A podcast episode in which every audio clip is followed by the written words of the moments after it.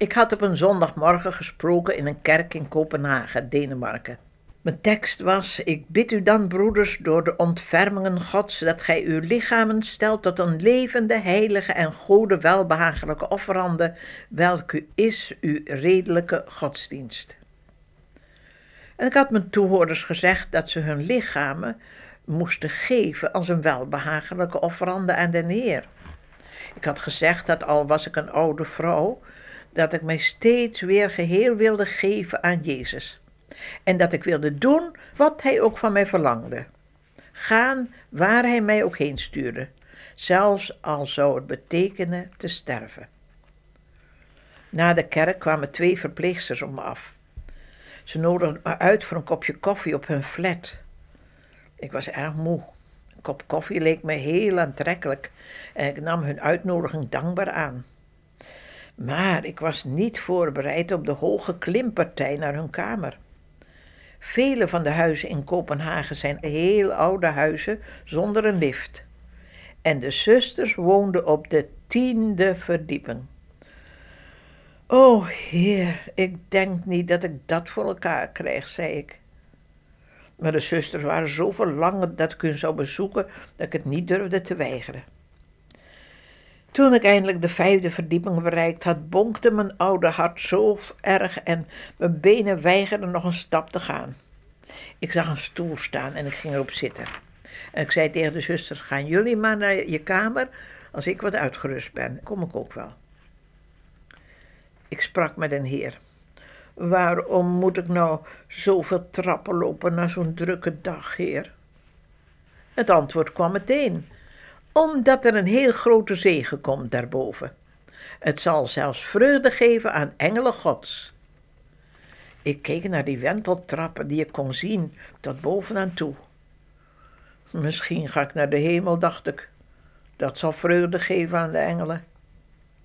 Ik telde de treden, er waren nog wel een honderd of meer. Maar als God zei dat het werk vreugde zou geven aan de engelen, dan moest ik gaan. Ik stond op en ik begon weer te klimmen. Eindelijk bereikte ik de tiende verdieping. En toen ik in de kamer van de zusters kwam, vond ik een gezellig gedekte tafel. De maaltijd was klaargemaakt door de ouders van een van de zusters. Ik wist dat ik maar weinig tijd had. En ik wist ook dat op de een of andere manier God een zegen ging geven. Daarom begon ik al gauw met een gesprek. Vertel u me eens, vroeg ik aan de moeder van de zuster, is het lang geleden dat u de Heer Jezus hebt leren kennen? Ik heb hem nog nooit ontmoet, zei ze een beetje verbaasd over mijn vraag. Wilt u niet tot hem komen? Hij heeft u lief. Ik heb in meer dan zestig landen van hem verteld. Ik heb nog nooit iemand gezien die spijt had dat hij zijn hart aan Jezus had gegeven. En u zult er ook geen spijt van hebben als u het doet. Ik opende de Bijbel en las haar teksten voor die de verlossing door den Heer Jezus zo duidelijk maakten. Ze luisterde met grote belangstelling. Toen vroeg ik: Zullen we nou samen met de Heer gaan spreken? Ik bad en de beide zusters baden mee.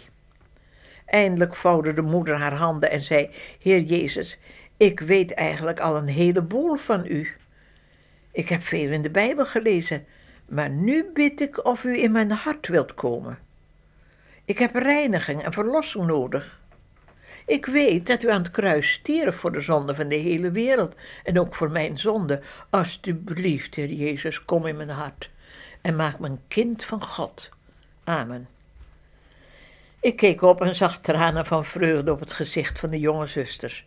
Zij en haar vriendin hadden zoveel voor haar ouders gebeden en nu was hun gebed verhoord. Ik richtte me tot de vader, die stil alles had aangehoord. En wat denkt u ervan? vroeg ik. Ik heb ook nog nooit een beslissing voor de Heer Jezus genomen, zei hij ernstig. Maar ik heb naar alles geluisterd wat u tot mijn vrouw hebt gezegd, en nu weet ik de weg. Ik wil ook tot Jezus bidden of hij me redden wil.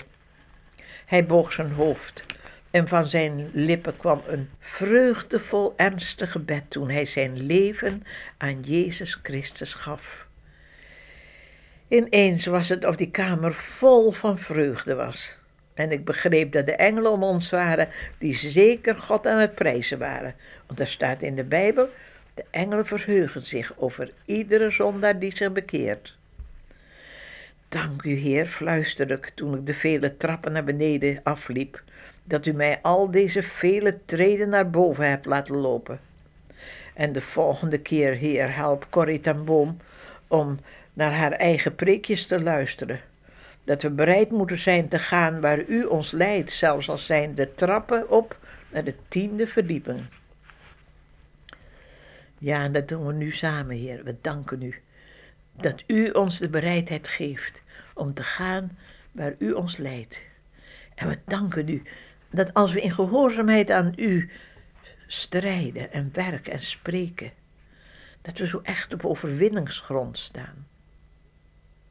We danken u dat zij die tot u komen, dat u geen enkel opzicht wilt wegsturen, maar dat u het heerlijk vindt als wij ons leven in uw hand leggen. Halleluja. Amen.